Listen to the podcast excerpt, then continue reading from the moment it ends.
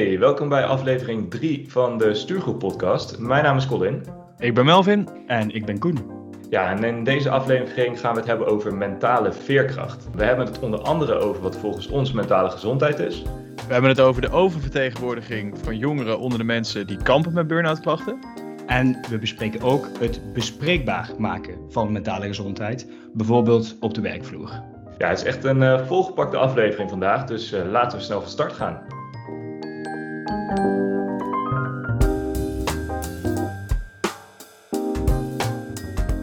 Heren, um, voordat we van start gaan even twee huishoudelijke mededelingen.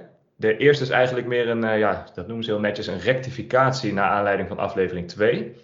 Hoewel die aflevering volledig in het teken stond van persoonlijke financiën, verzaakten wij om aan het begin van de aflevering kort stil te staan bij de kantoorjargon boetepot. Die boetepot die hebben wij in het leven geroepen, zoals uh, de luisteraars ook gehoord hebben in aflevering 1, om uh, deze podcast en ook het schrijven van onze artikelen met zo min mogelijk termen als aftikken en alignen te doen. Ja, dat zijn dus gewoon de kantoorjargonwoorden die wij proberen te vermijden.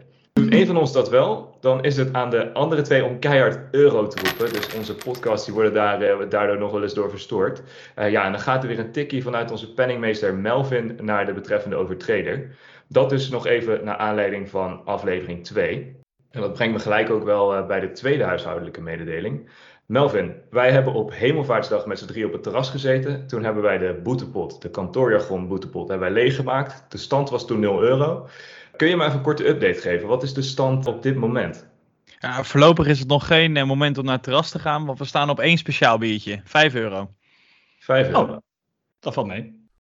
Hey, over op het uh, onderwerp van vandaag, want dat heeft toch best wel een serieuze ondertoon, moet ik zeggen. En uh, vorige week hebben we het daar ook over gehad op Clubhouse. Kort even wat context. In 2019 in Nederland kampten 1,3 miljoen mensen met burn-out klachten. En in het geval van ziekteverzuim wijst dus een derde van de mensen werkdruk of werkstress als reden aan. En wat ik vooral zelf wel opvallend vond, is dat uh, jonge werknemers in die cijfers ook nog eens oververtegenwoordigd zijn. Ruim 20% die dus ja, uitvalt op het werk, geeft aan dat zij burn-out symptomen hebben. Dat zijn echt wel hele serieuze cijfers. Ja, als klap op de vuurpijl, het kwam eigenlijk een beetje samen allemaal vorige week. Want vorige week donderdag 20 mei, vond ook de eerste Mental Health Action Day plaats. In aflevering 3 van, uh, van de podcast staan wij dus stil bij uh, mentale gezondheid. Ja, Koen, laten we gewoon even bij het begin beginnen. Mentale gezondheid. Hoe zou je dat beschrijven? Kun je kort samenvatten wat we erover gezegd hebben in de Clubhouse? Zeker, kan dat kort. Dat blijft ook wel een beetje vaag. Want wat het toen eigenlijk, waar dat neerkwam, vanuit mij vooral, was... het gaat om lekker in uh, je vel zitten.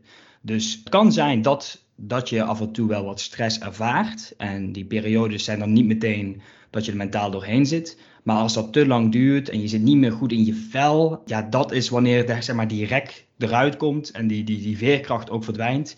En dat is voor mij echt eigenlijk dat het gewoon niet goed zit met de mentale gezondheid. Ja, Melvin, jij, jij zei toen volgens mij ook nog iets over controle verliezen, zeg ik dat goed? Ja, zeker. Ja, dus eigenlijk doordat je niet helemaal lekker in je vel zit, ook gewoon ja, een beetje de grip op je activiteit aan het verliezen bent of de dingen die je aan het doen bent. En naarmate dat dan, laat maar zeggen, dat je dat laat aanmodderen, wordt het natuurlijk alleen maar erger. En ik denk dat je dan op een bepaald moment ook wel dat, dat randje overgaat. En die is natuurlijk voor iedereen anders. Maar daar zit denk ik ook nog wel een, een belangrijk stukje van mentale veerkracht. Ja, ja absoluut. Daar, daar sloeg ik toen ook op aan. Uh, dat stukje van de, de grip verliezen. Even, niet meer, even het gevoel hebben dat je niet meer in control. Dat is absoluut kantoorjargon overigens. Dus daarvoor een euro.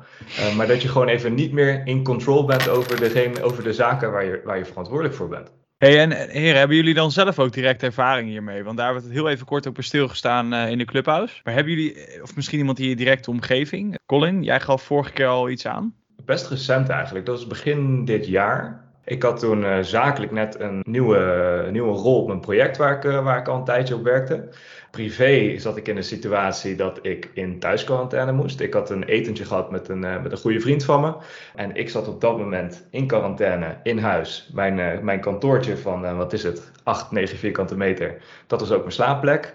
In die nieuwe rol die ik vanuit huis, ja, moest ik die aanleren, moest ik me die eigen maken. Dat, dat ging ook eigenlijk voor geen meter. Dus dat maakte dat ik ja, zakelijk en privé het allemaal best wel hoog opliep. Ik heb toen ook mijn projectmanager op dat moment een bericht gestuurd en gezegd van luister, ik heb het gevoel dat, uh, dat het me allemaal een beetje bij de keel grijpt. En ik, ja, ik kreeg even geen, wat we net ook zeiden. Ik heb even het gevoel dat ik de controle aan het verliezen ben. En dat was voor mij wel het moment dat ik zelf merkte: oké, dit is de eerste keer dat ik buikpijn heb over de dingen die met werk te maken hebben. Dan zou je zeggen, dan begint het dus een fysiek iets te worden. Maar die buikpijn die kwam met name van de dingen die ik in mijn kop even niet op een rijtje kreeg. Ja, dat is echt best wel een moment eigenlijk dat ik, ja, wat me nog, wat me nog goed bijstaat, dat ik denk, hé, hey, daar, uh, daar kwamen privé, zakelijk, ja, even, even niet lekker bij elkaar. Dus dat, ja, dat is wel een heel uh, concreet voorbeeld vanuit mijn kant. Mentale gezondheid slaat dan ook over naar fysieke gezondheid, als ik jou zo hoor. Ja, het, het feit dat ik inderdaad het mentaal ja, wat ik zei, in mijn kopje even niet op, uh, niet op een rijtje had. En ook het gevoel had dat ik met verschillende dingen bezig was waar ik geen controle op had. Ik kon niet veranderen dat ik thuis in quarantaine zat. Want ik wilde ook gewoon zorgen dat mijn vriendin uh, uh, niet ziek zou worden. Of als ik al besmet zou zijn op dat moment. Zakelijk probeerde ik in een nieuwe rol te groeien, terwijl ik niet goed wist wat er van me verwacht werd. Ik het gevoel dat er van alles over de schutting geworpen werd, waar ik totaal niks mee kon. Het voelde als een soort van ja, een waterval aan allerlei zaken die onder mijn verantwoordelijkheid vielen, maar waar ik op dat moment even niks mee kon. Dus dat maakte dat ja, die gedachten misschien ook een beetje overgingen in, in een fysieke buikpijn. Dat was het wel eigenlijk, zo heb ik het toen ook beschreven. En ja, toen heb ik dus ook uh, moment gehad dat ik op woensdagmiddag zei: uh, Jongens, ik ga even kijken wat ik tot vrijdagmiddag allemaal niet hoef te doen. En die agenda gaat even leeg, want ik heb tijd voor mezelf nodig. Hebben jullie ervaringen, misschien niet zelf, maar om je heen? Ik heb in mijn team wel direct ervaring ermee gehad met twee collega's die burn-out klachten hebben gehad. Maar naar aanleiding van jouw verhaal ook, Colin, we hebben het hier natuurlijk al even over gehad heb ik afgelopen vrijdag zelf ook bij mijn manager aangegeven dat ik even iets van gas terug moet nemen. Omdat ik te veel hooi op mijn vork heb genomen. Maar ook omdat het allemaal dingen zijn. Jullie zeiden daar een beetje over controle. Het is niet zozeer het controle verliezen. Maar het, het is dusdanig onzeker dat het ook een beetje uitzichtloos is. En het focust zich allemaal op werk nu. Dus ik heb nu juist een wat, wat, wat moeilijkere periode op werk. Het is niet zo dat ik nou tegen een burn-out aanzit. Ik bedoel, collega's van me die zaten dat echt wel. En die, uh, dat, dat, was ook best wel, uh, vond ik, verschrikkelijk uh, om te zien. Omdat ik natuurlijk ook heel nauw met ze ja, samenwerk. Ja, je begint gewoon om die mensen te geven. Als je ziet dat het niet goed tuurlijk. gaat, dan, ja, dan grijpt dat je aan. Tuurlijk, maar heel, heel eerlijk, als, als jij de vorige keer die dingen niet had genoemd, had ik nooit afgelopen vrijdag bij mijn manager aangegeven van, hey, ik ben er vanmiddag ook even niet. Want ik heb ook even wat lucht nodig. Ik ga gewoon heel, heel gezellig op een terras zitten en even aan niks werkgerelateerd denken. Ja. En daar werd, werd echt heel erg goed op uh, gereageerd. Echt heel fijn, erg positief. Uh, fijn, fijn dat het zo ontvangen wordt. En, uh, laat ik vooropstellen dat ik blij ben dat. Ja, inspireren is misschien niet het goede woord. Maar het feit dat ik dus ook aangeef wat het mij gebracht heeft. Gewoon even te praten over het feit dat, ik, dat, het, dat het even niet zo lekker liep dat, uh, ja, dat dat jou ook uh, ertoe heeft gezet om, uh, om ook even naar jezelf te kijken en te zeggen van hé, hey, ik, ik verlies misschien even grip, even controle of het, het is even heel veel tegelijkertijd. Melvin, hoe, hoe zit dat voor jou? Ken je vergelijkbare momenten in je carrière of misschien, misschien privé dat er, dat er even dingen allemaal tegelijkertijd speelden? Ja, zeker. zeker. Ja, zowel eh, op werk als in een combinatie werk-privé. Zijn er wel genoeg situaties geweest dat het, ja, ik noem dat een soort van ups en downs. Kijk, ze zijn, je hebt altijd natuurlijk momenten die even wat pittiger zijn, waarop er gewoon veel op je afkomt. En dat je misschien, zoals jullie nu ook hebben aangegeven, even joh, ik stap dan zelf naar voren en ik geef gewoon aan, ik heb even tijd nodig. Of ik heb, nou ja, whatever, even rust nodig of ik doe even gas terug. Waarbij bij mij eigenlijk altijd die piekjes op een bepaald moment weer voorbij gaan. Omdat ik het eigenlijk heel erg op mezelf betrek. En ik denk niet dat dat het juiste karaktertrekje is. Maar eigenlijk trek ik het heel erg naar mezelf toe. Van joh, weet je, is mijn probleem, hoeft er ander geen last van te hebben. Mm-hmm. Alleen daarmee blijf je natuurlijk wel stapelen. Ja, het kan natuurlijk wel het begin zijn, hè, Melvin. Laten we dat Zeker. voorstellen. Even voor jezelf ook doorhebben van... hé hey Melvin, nu ben je op het punt dat er dat, dat, dat één druppel extra te veel is. Kijk, dat, dat is voor, voor veel mensen al een inzicht waar ze of te laat achter komen. Van, hey, dat was, en dan drie weken terug in de tijd was het punt dat ik even een, een, even een beetje gas terug had moeten nemen. Zeker. En, en ik kan ook niet zeggen dat het voor iedereen zou helpen, en dat maakt het natuurlijk ook moeilijk, dat het iedereen zou helpen om er zo over te praten als, als, als ik heb gedaan of als Koen misschien heeft gedaan. Dus ja, zeker. Wat dat betreft ben ik denk ik sowieso redelijk introvert. En er zijn genoeg mensen altijd geweest die hebben aangegeven, joh, kijk uit. niet te hard gaan. Weet je, Mhm. pas op, let ook gewoon goed op jezelf. Eh, die opmerking heb ik al vaker gekregen. En mijn antwoord is dan relatief vaak twee woorden, komt goed. En dat is voor mij een verweermechanisme wat tot nu toe gewoon werkt. Die piekjes die duren dan soms wel wat langer. In plaats van dat ik meteen een soort van pauze neem, kan ik er wel een beetje tegenaan hikken voor, eh, voor zeker wel een week of twee weken. Maar goed, ja, dat zijn voor mij een beetje de ups en downs die ik hier en daar ook wel gewoon meemaak. Maar ja, ik, Ja. ik blijft heel persoonlijk of dat misschien dat een ander die hier naar luistert wel denkt van ja, weet je, die heeft iedereen toch? Dat is voor mij geen ri- richting een burn-out gaan of iets dergelijks. Dus ik denk ook echt dat dat heel persoonlijk blijft voor iedereen eh, hoe, hoe dat randje er voor jou, laat maar zeggen, uitziet. Ja, ik vind het wel een mooi bruggetje eigenlijk. Het is best wel vaak jongeren onderling die hierover spreken, die soms elkaar ook een beetje in bescherming proberen te nemen van let op hè, dat het niet eh, te snel te veel is. Ik, ik, ik dreunde net die cijfers op, maar we zagen ook dat in die cijfers echt jongeren oververtegenwoordigd zijn. Koen, waar denk je dat dat aan ligt? Daar heb ik wel een beetje een, een, een filosofisch, eh, dieper antwoord op. Dus blijf even bij me. Wat ik namelijk denk, is wat, wat, wat onze generatie eigenlijk heeft, wat, wat wij dus hebben. Wij hadden tot misschien deze coronapandemie niet echt een of andere grote crisis, een grote gebeurtenis om onszelf mee te identificeren. Oorlog of zo? Ja. Dat, dat, dat hadden wij niet. Daarmee gecombineerd was dat, zijn wij de, de millennials, de generatie van alles kan, alles wat je maar kan verzinnen. Dat kan, Ja. dat mag en doe het maar lekker. Dus dat is het enige waar wij een beetje qua identiteit aan vasthouden. En dus nemen we dat, denk ik, veel te letterlijk. En doen we ook echt alles. Dat moet er eh, bij de, de tennisclub en bij de hockeyclub en bij het boksen.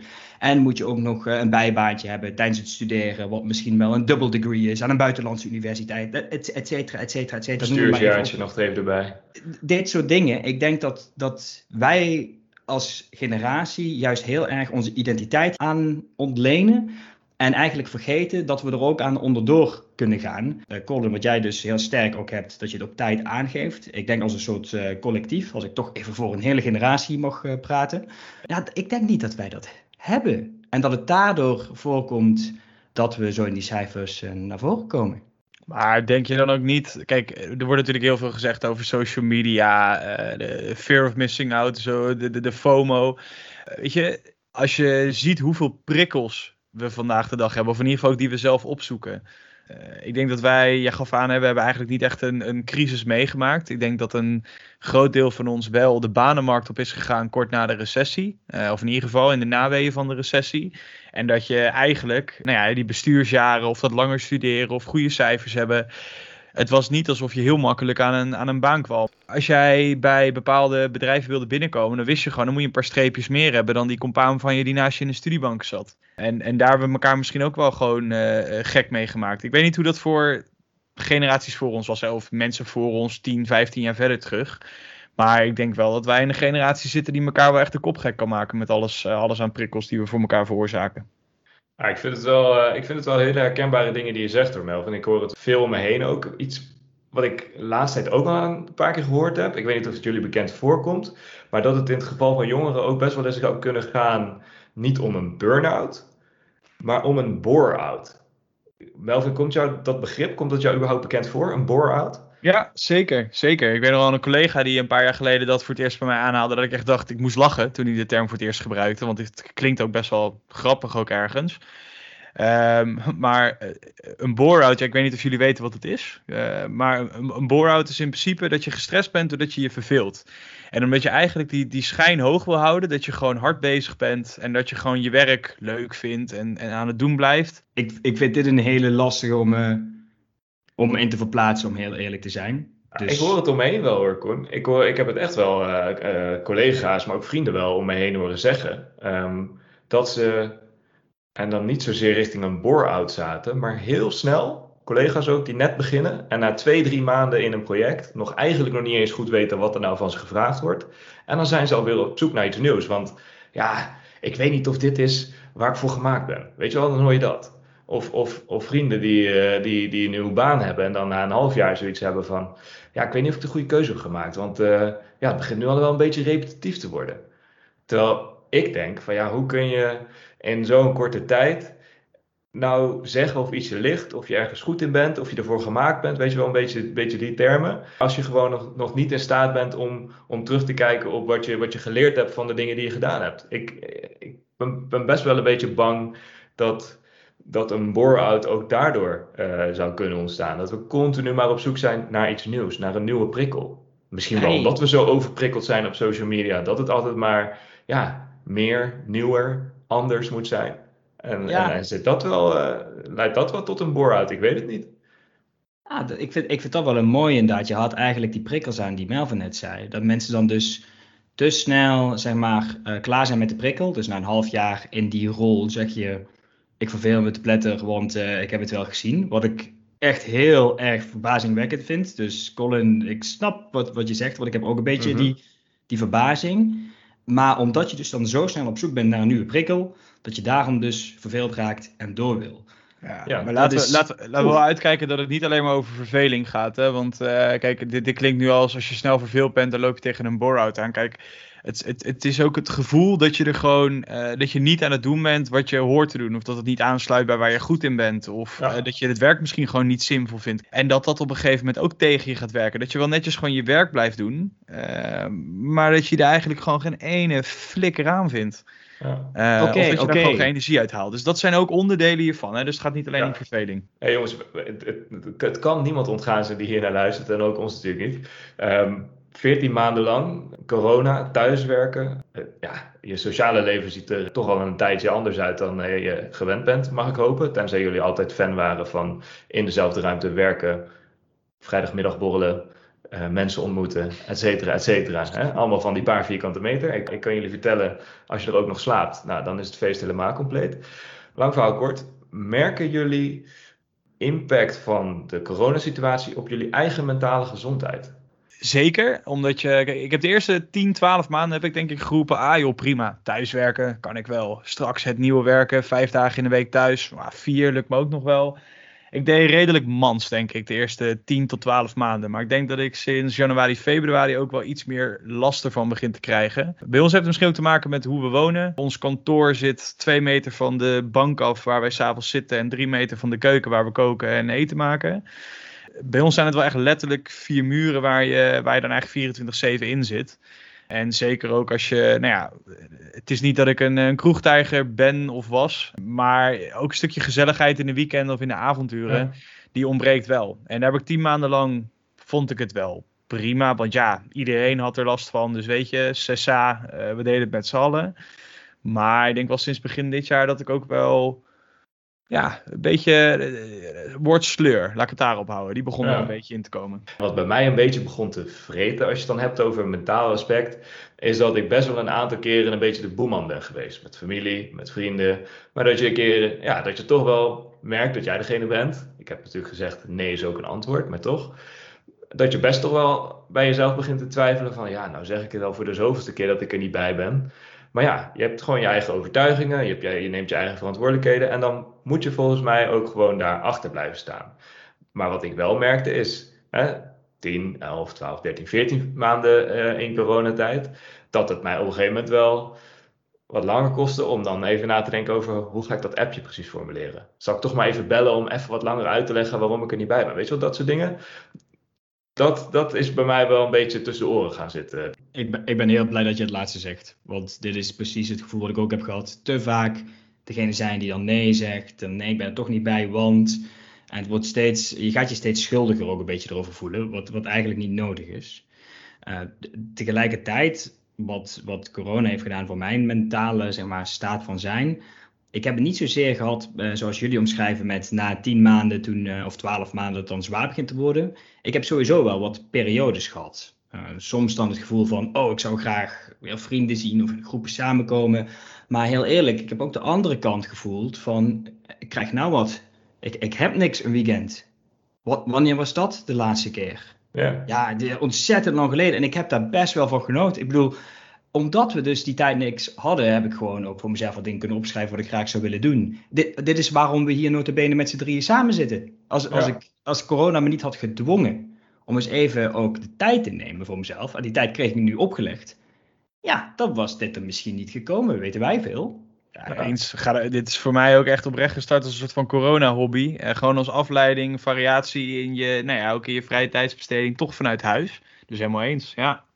Ja, zeker hoor. En, en om deze af te maken, ik bij mezelf ook enorm gaan waarderen wat een zaterdagavond koken bij mijn oma, daarna een koffietje drinken en de lach op haar gezicht zien. Dat heb ik heel lang niet gedaan. Zeker op een zaterdagavond niet, want dan was er een verjaardag. En dan was er een borrel. En dan was er dit. En dan was er dat. En dan nee, oma, want ik moet dit weekend al heel veel andere dingen doen.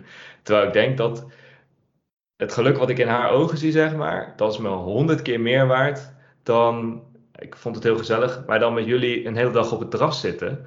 Want dat zijn toch wel de dingen in het leven waar, ja, daar, draait het om. Het is toch bizar dat ik daar eigenlijk deze tijd voor nodig heb gehad. Maar het is wel een enorm besefmoment geweest waarvan ik denk dat laat ik nooit meer los. Ja, maar dat, dat is het ook wat Colin zegt. Hè? Dat, het, dat het misschien een soort van geforceerd mechanisme is geweest om je te doen realiseren wat echt belangrijk voor je is. En als, je, als wij dan als generatie eruit mee kunnen nemen dat we onze prioriteiten een beetje duidelijker krijgen in plaats van overal ja tegen zeggen. Volgens mij is dat dan al, afgezien van alle andere slechte dingen die ermee gepaard zijn gegaan, maar is dat stiekem wel een overwinning. Ja, mooie, mooie afsluiting, Koen. Die kan wat mij betreft uh, kan die op het tegeltje. Net begon ik uh, met een voorbeeld waarin ik aangaf van ja, ik, mij hielp het heel erg om te praten over het feit dat ik begin dit jaar even hop gevoel dat ik bij de strot gegrepen werd, te druk, projectmanager, collega's, vriendin, vrienden, ik moet hier even over praten. Um, Koen, praat jij met mensen in je directe omgeving over mentale gezondheid? Hoe, hoe gaat dat? directe omgeving denk meteen aan Christel, aan mijn vriendin. Dus daar praat ik, uh, praat ik over, zeker met het voorbeeld wat ik zei van afgelopen vrijdag. Nou ja, zeg maar de aanloop daar naartoe. Mm Die heeft zij natuurlijk ook meegemaakt. En heb ik al vaker laten weten van, jezus, het is wel, het is wel erg veel op dit moment. En ik, ik trek het niet meer allemaal. Ja. Um, maar tegelijkertijd, uh, het praten aan zich vind ik niet zo fijn. Ik vind het schrijven fijn. Uh, dus ik schrijf hier okay. voor mezelf over.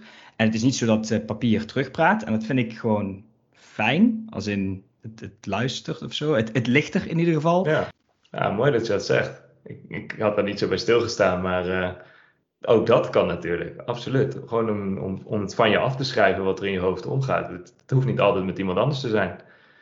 Melvin, jij, jij zei net, ik ben eh, van jezelf misschien best een beetje introvert. En uh, je, zoekt, je, zoekt, jezelf ook meer op als je merkt van hey, ik heb even een moment nodig om te reflecteren. Laat, ik het dan, laat ik de vraag anders stellen. Als jij, als jij merkt dat iemand anders niet lekker in zijn vel zit, of in haar vel zit, ben je dan iemand die dat bespreekbaar kan, durft, wil maken?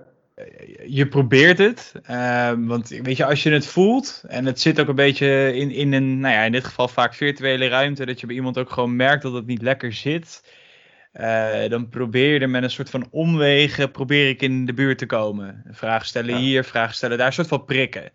Um, als die persoon daar gewoon niet voor open staat, ja, dan, dan ik ga niet op de man af de vraag stellen: hey, jij zit volgens mij echt niet lekker in je vel, of wel? Dat is ook niet helemaal mijn ja, stijl, dus aanleidingstekens, maar ik doe dat ook op die manier niet zo heel erg snel.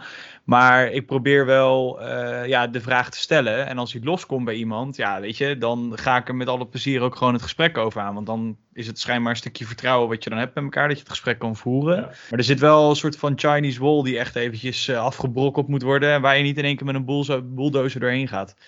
Ja, je zegt iets moois, Mel. Je, je, noemt, je noemt vertrouwen. Ik denk dat je zeker niet met uh, Jan en Alleman gaat praten over hoe jij ja, hoe jouw mentale gezondheid op dat moment is. Ik bedoel, als jij eh, je sleutelbeen gebroken hebt en je komt met een mitella op kantoor, nou, dan weet natuurlijk iedereen hoe laat het is. Maar dit zie je er aan de buitenkant en soms misschien wel, maar niet zo snel aan af. En dat, dat vraagt wel iets van de relatie, van de onderlinge relatie, om, om hierover te kunnen praten. En als ik het op mezelf betrek, dan zie ik dat het mijn collega's, want ik heb er ook veel met, met collega's over gesproken, dus ook, zeker ook die situatie van begin dit jaar, maar ook in algemene zin en ik hoorde dat net ook wel een beetje terug bij Koen, het feit dat ik dat bespreekbaar heb gemaakt en daar ook heel open over ben geweest naar mijn directe collega's, ook van mijn leeftijd, misschien net iets jonger, heeft er ook voor gezorgd dat, dat ik eigenlijk die barrière op een hele natuurlijke manier heb weten af te breken. Door mezelf open te stellen en, en een persoonlijk voorbeeld met hun te delen, ze daarin dus ook in vertrouwen te nemen, heeft er ook voor gezorgd dat ik echt al wel een aantal keren in de afgelopen paar maanden um, hele mooie gesprekken heb gehad met collega's over um, ja, situaties waar ze zelf in zaten. Of dat, dat privé even helemaal de overhand kreeg en dat dat begon te reflecteren op, of, ja, hoe noem je dat, uit te stralen op hun werk. Ehm, dus ik, ja, wat je zegt, Melvin, het, het, het, vertrouwen wat je met elkaar op moet bouwen en, en een soort van de, de open sfeer te creëren, dat, dat is natuurlijk heel vaag, maar dat is ook voor elke situatie anders. De open sfeer creëren waarin je dit soort dingen kunt bespreken, ja, daarmee leg je natuurlijk de basis. En dat is wel een hele, ehm, ja, dat is wel heel erg belangrijk. Ik vind het wel heel knap als ik jullie zo hoor praten. Ik heb er zelf veel meer moeite mee. Ehm, als ik het al eenmaal voel digitaal of zie of merk, eh, dan doe ik er vaak, om eerlijk te zijn, nog helemaal niks mee. Het is, het is juist wat Melvin zegt, als de mensen zo dicht bij me staan, en op werk denk ik dan meteen uh, aan, het team waarin ik zit, mhm. dat ik dan een soort van hoop dat ze me genoeg vertrouwen. En dat ik gewoon kan luisteren. Het is, uh, het, is, het is iets wat ik niet van nature heel goed altijd kon, luisteren. Maar dat, dat heb mhm. ik in de loop van de tijd gelukkig wel geleerd. En uh, ik denk, of ik neem aan, ik weet niet zo goed, dat dat dan hopelijk al een, een heleboel helpt. Want ik weet zelf verder niet zo goed hoe ik dat gesprek dan aanga. Dus ik ben meer een luisterend oor op dat moment dan dat ik echt iets, ja, iets zeg of iets doe. Nou, laten we vooropstellen, Koen, dat er natuurlijk sowieso geen goed of fout is. En als ik naar mijn situatie toen de tijd keek, dan was een luisterend oor eigenlijk het enige waar ik op dat moment om vroeg, omdat dat mij hielp. Het papier helpt jou, maar mij hielp het luisterend oor om mijn gedachten te ordenen en ook te gaan ontdekken van wat kan ik hier nou aan doen? Wie heb ik nou nodig om, uh, ja, om die situatie weer onder controle te krijgen? Maar ik vind het ook wel belangrijk, we betrekken onze situaties nu best wel de hele tijd op hè, kantoorsituaties, werksituaties, dat je ondersteund wordt in acteren op mentale gezondheid. Want daar hadden we het net over. Het is niet zozeer alleen maar het stukje awareness, het om je heen zien wat er gebeurt. Maar in, in hoeverre worden jullie nou ondersteund om, om echt dingen te kunnen doen? Koen, als ik jou hoor praten, dan, dan ben je zelf best wel heel zoekende. Zeg dat dan goed?